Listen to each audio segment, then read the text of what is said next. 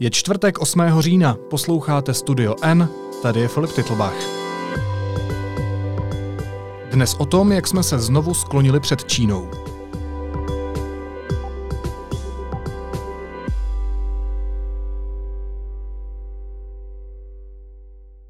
Pod prohlášením 39 států proti porušování práv v Číně chybí podpis České republiky. Zatímco ministr zahraničí Tomáš Petříček dokument podporuje, opačný postoj měli premiér Andrej Babiš a prezident Miloš Zeman. Zjistil to Lukáš Prchal. Ahoj Lukáši. Čau.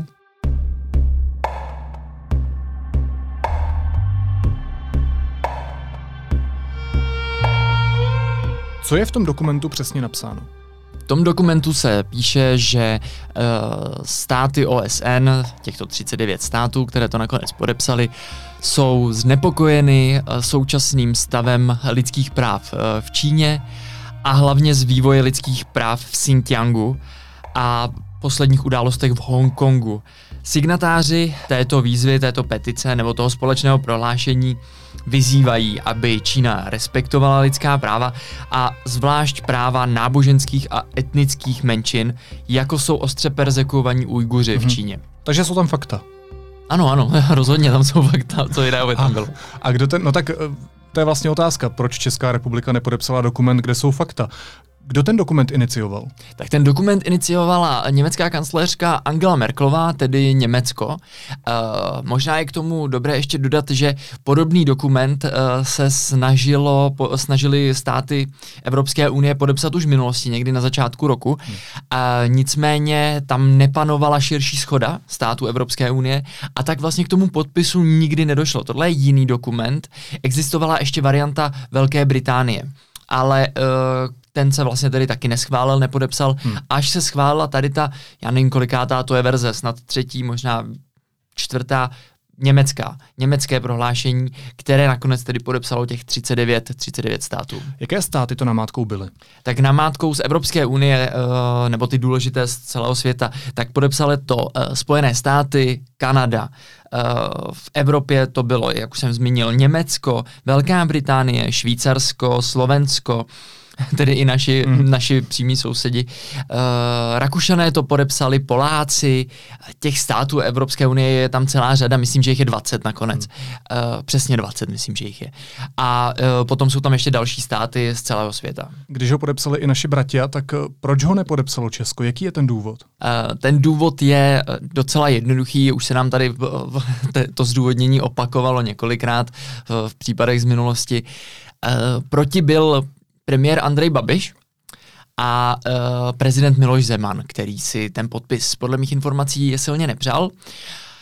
Na druhou stranu podepsat uh, ho chtěl právě ministr zahraničí Tomáš Petříček, což bylo v jeho pravomoci, podepsat to i navzdory uh, těmto dvěma státníkům ale uh, po dohodě nebo po nějaké diskuzi uh, s premiérem a s prezidentem se rozhodl tedy nakonec od toho svého postoje ustoupit, aspoň v tom smyslu, že ten dokument nepodepsal. Hmm. Jinak sám potom uh, veřejně prohlásil, že s podpisem uh, souhlasí nebo s tím, co prohlašuje je napsané v tom prohlášení, souhlasí, nicméně uh, nepanovala schoda ve vládě, české vládě a tak prostě se rozhodl ten uh, od toho podpisu upustit. Hmm, tak ono je v celku jedno, co pan Petříček říká veřejně, když ten podpis tam prostě není. Je to tak. Každopádně víš, co se na té schůzce mezi Andrejem Babišem, Milošem Zemanem a Tomášem Petříčkem dělo? Říkali ti něco tvoje zdroje? Uh, tak uh, jestli, to, uh, jestli si to pamatuju správně, tak nebyla to přímo schůzka, kde by byl prezident, uh, mm-hmm. premiér a ministr.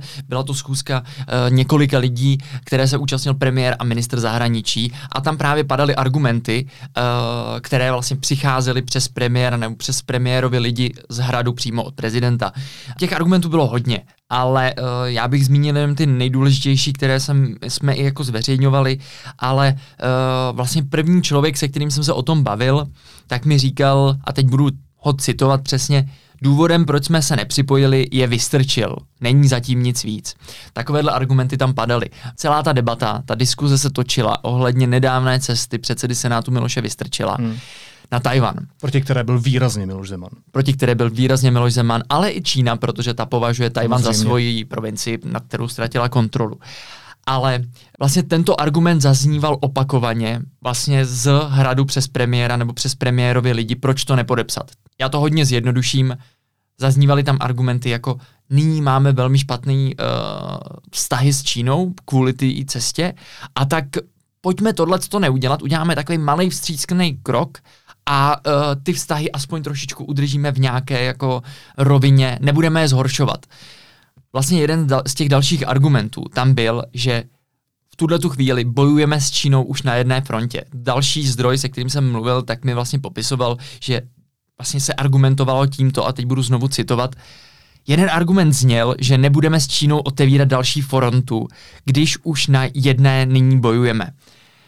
Druhá věc je, že zaznělo, že kdyby Vystrčil nejel na Tajvan, ten dokument bychom podepsali. To hmm. tvrdí druhý zdroj. Ale tady tahle, jen bych chtěl upozornit, že ta poslední věta, že bychom ho podepsali, kdyby uh, Vystrčil nejel na, nejel na Tajvan, nemyslím si, že, uh, nemyslím si, že je to pravda, nebo uh, minimálně by ten tlak z hradu uh, podle mě panoval stejně. Hmm. Byl by tam stejně, aby jsme to nepodepsali, i kdyby se neudála ta cesta vystrčila. Ono je asi úplně zbytečný ptát se tě, proč s tím nesouhlasí Miloš Zeman, protože ten postoj Pražského hradu je směrem k Číně velmi jasný a velmi vstřícný. Ale jaká byla ta pravá motivace Andreje Babiše? Co zatím mohl vidět Andrej Babiš? Je to opravdu pouze ten vystrčil? Nebo je to to, že se chce zalíbit z nějakého důvodu Miloši Zemanovi? Já to nevím. Hmm. Já uh, vlastně Jediné, co vím, argumenty, které tam zaznívaly ze strany Andreje Babiše, respektive z Hradu. A uh, jaká je motivace Andreje Babiše v tomhle, tom se můžeme jenom dohadovat. A těch motivací může být mnoho. On potřebuje mít prezidenta na své straně, to už, jsme, to už víme dávno. Uh, on potřebuje schválit některé, některé kroky od prezidenta, které, které nyní budou vlastně jako následovat. Pre, uh, on potřebuje mít prezidenta jako svého spojence. Hmm. A tak to může být jako ten hlavní důvod samozřejmě. Ale premiér ani žádný z jeho mluvčích, které jsem včera oslovil, tak mi na ty otázky neodpověděli. Odpověděl a potvrdil to pouze Pražský hrad.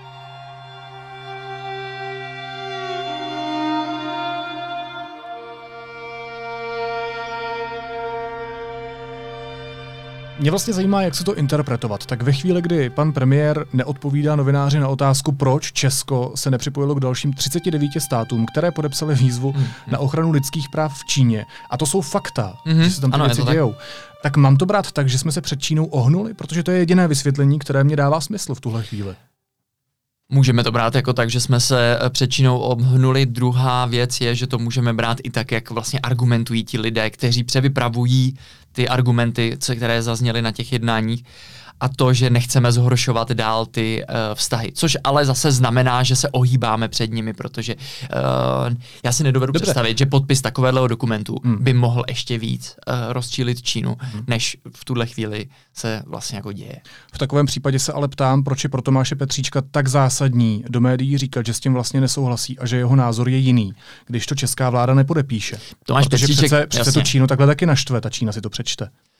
Máš pravdu, Tomáš Petříček, uh, ale asi měl, já to nevím, já jsem s ním mluvil jenom v těch intencích, které on mi vlastně jako uh, napsal SMS-kou a které vlastně poslal uh, i dalším médiím a Uh, on se ale dlouhodobě zajímá o lidská práva. Hmm. On na něj upozorňuje a uh, takže myslím, že tohle je téma, které on vlastně jako chtěl minimálně ukázat, že já názor měl jiný, ale prostě musel jsem ustoupit uh, prezidentovi a premiérovi. Komentoval to nějak mluvčí hradu Jiří Ovčáček? Ano, Jiří Ovčáček eh, to komentoval a on mi odpovídal na několik uh, otázek zprávou a odepsal mi, že, a teď ho budu znovu citovat, v těchto důležitých zahraničně politických věcech je nutný konsenzus rozhodujících ústavních činitelů. A toho bylo dosaženo.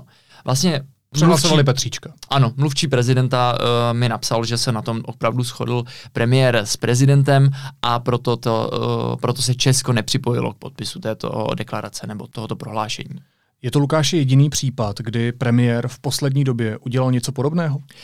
Je to jediný případ z pohledu k Číně. Ale v nedávné době, je to několik týdnů zpátky, premiér třeba odmítl setkání s běloruskou opozicí na úrovni premiéru Vyšegrádské čtyřky. O tom jsme taky psali před několika týdny a tam premiér argumentoval tím, respektive jeho lidé, argumentovali tím, že premiér se nechce s opozicí v Bělorusku z Běloruska cházet na úrovni premiéru, že ať se s nimi uh, s ní schází ministři zahraničí a protože on čeká údajně, jak se k tomu postaví Evropská unie. On chce, aby bylo jasno, jak Evropská unie se staví k běloruské opozici. Ještě poslední otázka na hrad. Pan prezident a jeho lidé kolem mají s Čínou dlouhodobě velmi těsné vztahy. Byli jsme svědky toho, že čínský velvyslanec často navštěvoval třeba pana Mináře, ale taky pana prezidenta. A v rámci české zahraniční politiky prosazuje k Pekingu velmi vstřícný přístup, to už jsme říkali. Mm-hmm. Proč to dělá? Uh, já si myslím, že uh, prezident drží už jenom tu linii, kterou nastavili on a jeho lidé před lety, kdy přivedli v uvozovkách uh, čínské investice, které se tady nikdy pořádně uh, neprojevily do Česka a odmítá vlastně ustoupit uh, z toho, z toho prvotního um, jako nějakého směřování a toho podporování toho obchodu s Čínou. On v tom stále vidí, respektive musíme dodat, jeho lidé kancléř Minář a jeho poradce Martin Nejedlý v tom vidí určité zjištné možnosti do budoucna a uh, myslí si, že Čína dokáže prostě v Česku, uh, Česku pomoc rozvíjet se a dovést prostě do České republiky velké investice, což se nikdy nepodařilo.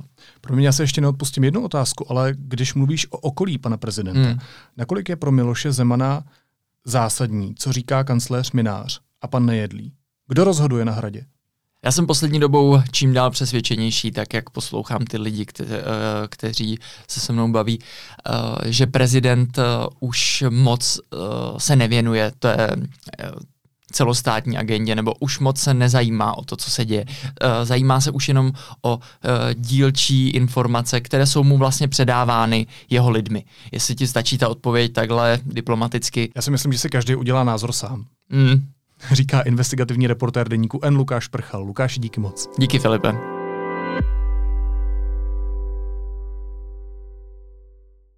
Tak a ještě než se dostaneme ke zprávám, tak tady máme takovou novou nepravidelnou rubriku, kterou jsme si pracovně nazvali jako Ostrov negativní deviace.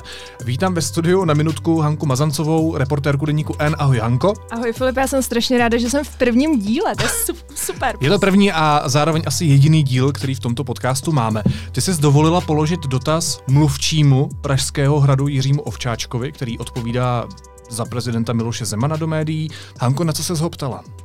Uh, je to tak, já jsem uh, udělala tu strašnou nehoráznost, že jsem mluvčímu uh, poslala otázku. Hmm. My jsme totiž včera na Twitteru právě pana Jiřího Ovčáčka zaznamenali, a což ostatně víme, že prezident se setkal s panem Petrem Rafajem a potom přijal vlastně ministrní pro místní rozvoj Kláru Dostálovou. Hmm.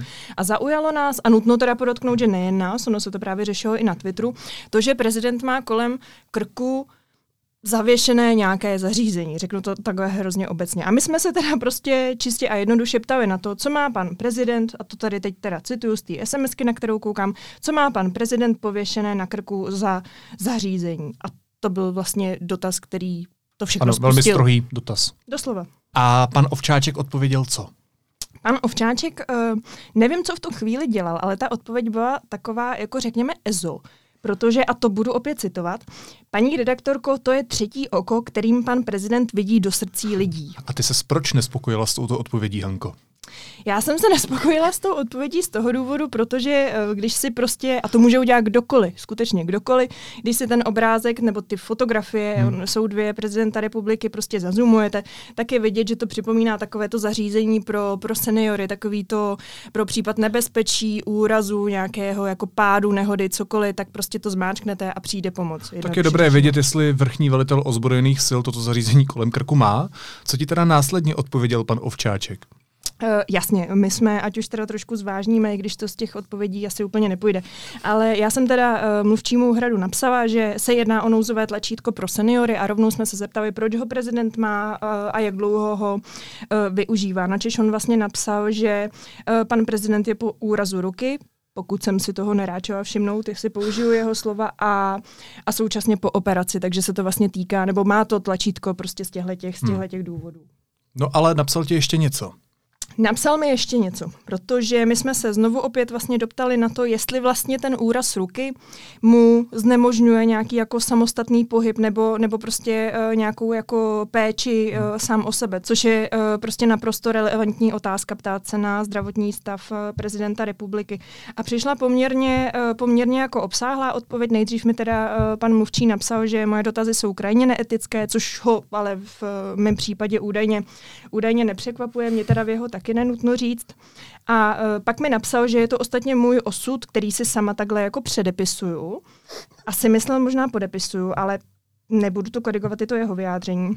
A pak teda napsal, že, že přesto uh, odpoví a uvedl, že vlastně panu prezidentovi se například uh, špatně vstává z křesla a tohle je prostě, on to označil za uh, praktické zařízení, kdy uh, například uh, prezident republiky takhle uh, prostě upozorní svůj tým, že jeho jednání skončilo. Mm-hmm. No a teď ta zásadní věc, která právě byla v závěru té, té SMS zprávy, uh, tak mi napsal, a já ho teda budu doslova citovat, aby nedošlo k nějaké jako dezinterpretaci, pokud dovolíš.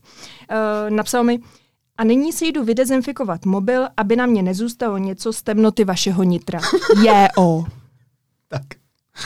Prvním hostem Ostrova negativní deviace byla reportérka deníku N. Hanka Mazancová. Hanko, moc ti děkuju. Doufám, že už nikdy, Filipe. Ahoj. Běž ze studia pryč a já si jdu vydezinfikovat mikrofony. Ahoj. Následuje krátká reklamní pauza. Za 20 sekund jsme zpátky. Festival Janáček Brno bude. Přední světoví režiséři a interpreti Jakub Hrůša, Robert Carsen, Karita Matila. Sedmý Mezinárodní operní a hudební festival Janáček Brno od 28. září 2020.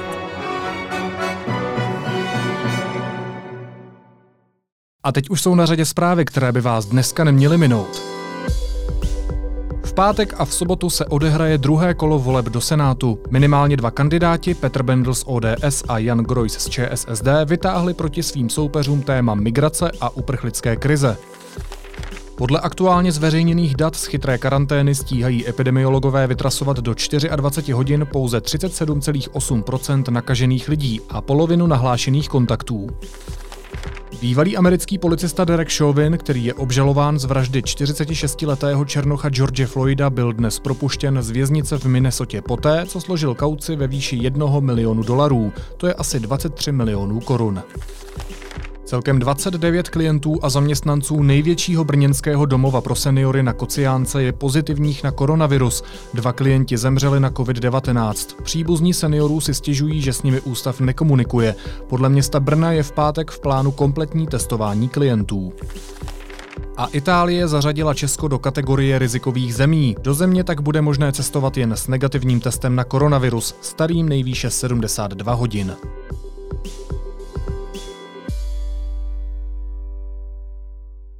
A na závěr ještě jízlivá poznámka. Vláda ohlásila, že bude nová opatření oznamovat pouze ve středu a v pátek. S ohledem na vývoj epidemie se proto rozhodla zavést nový kalendář, ve kterém mění dny v týdnu. Nově jich bude devět. Pondělí, úterý, pátek, středa, pátek, čtvrtek, středa, pátek a sobota. Naslyšenou zítra.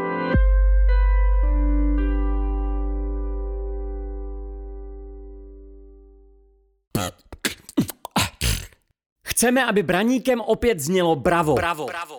Akrobaté Losers Cirque Company vás zvou na svou novou domácí scénu v bývalém branickém divadle. Čekají vás šílené akrobatické triky, popírající gravitační zákony, taneční představení, skvělé koncerty i štědrý program pro děti. www.divadlobravo.cz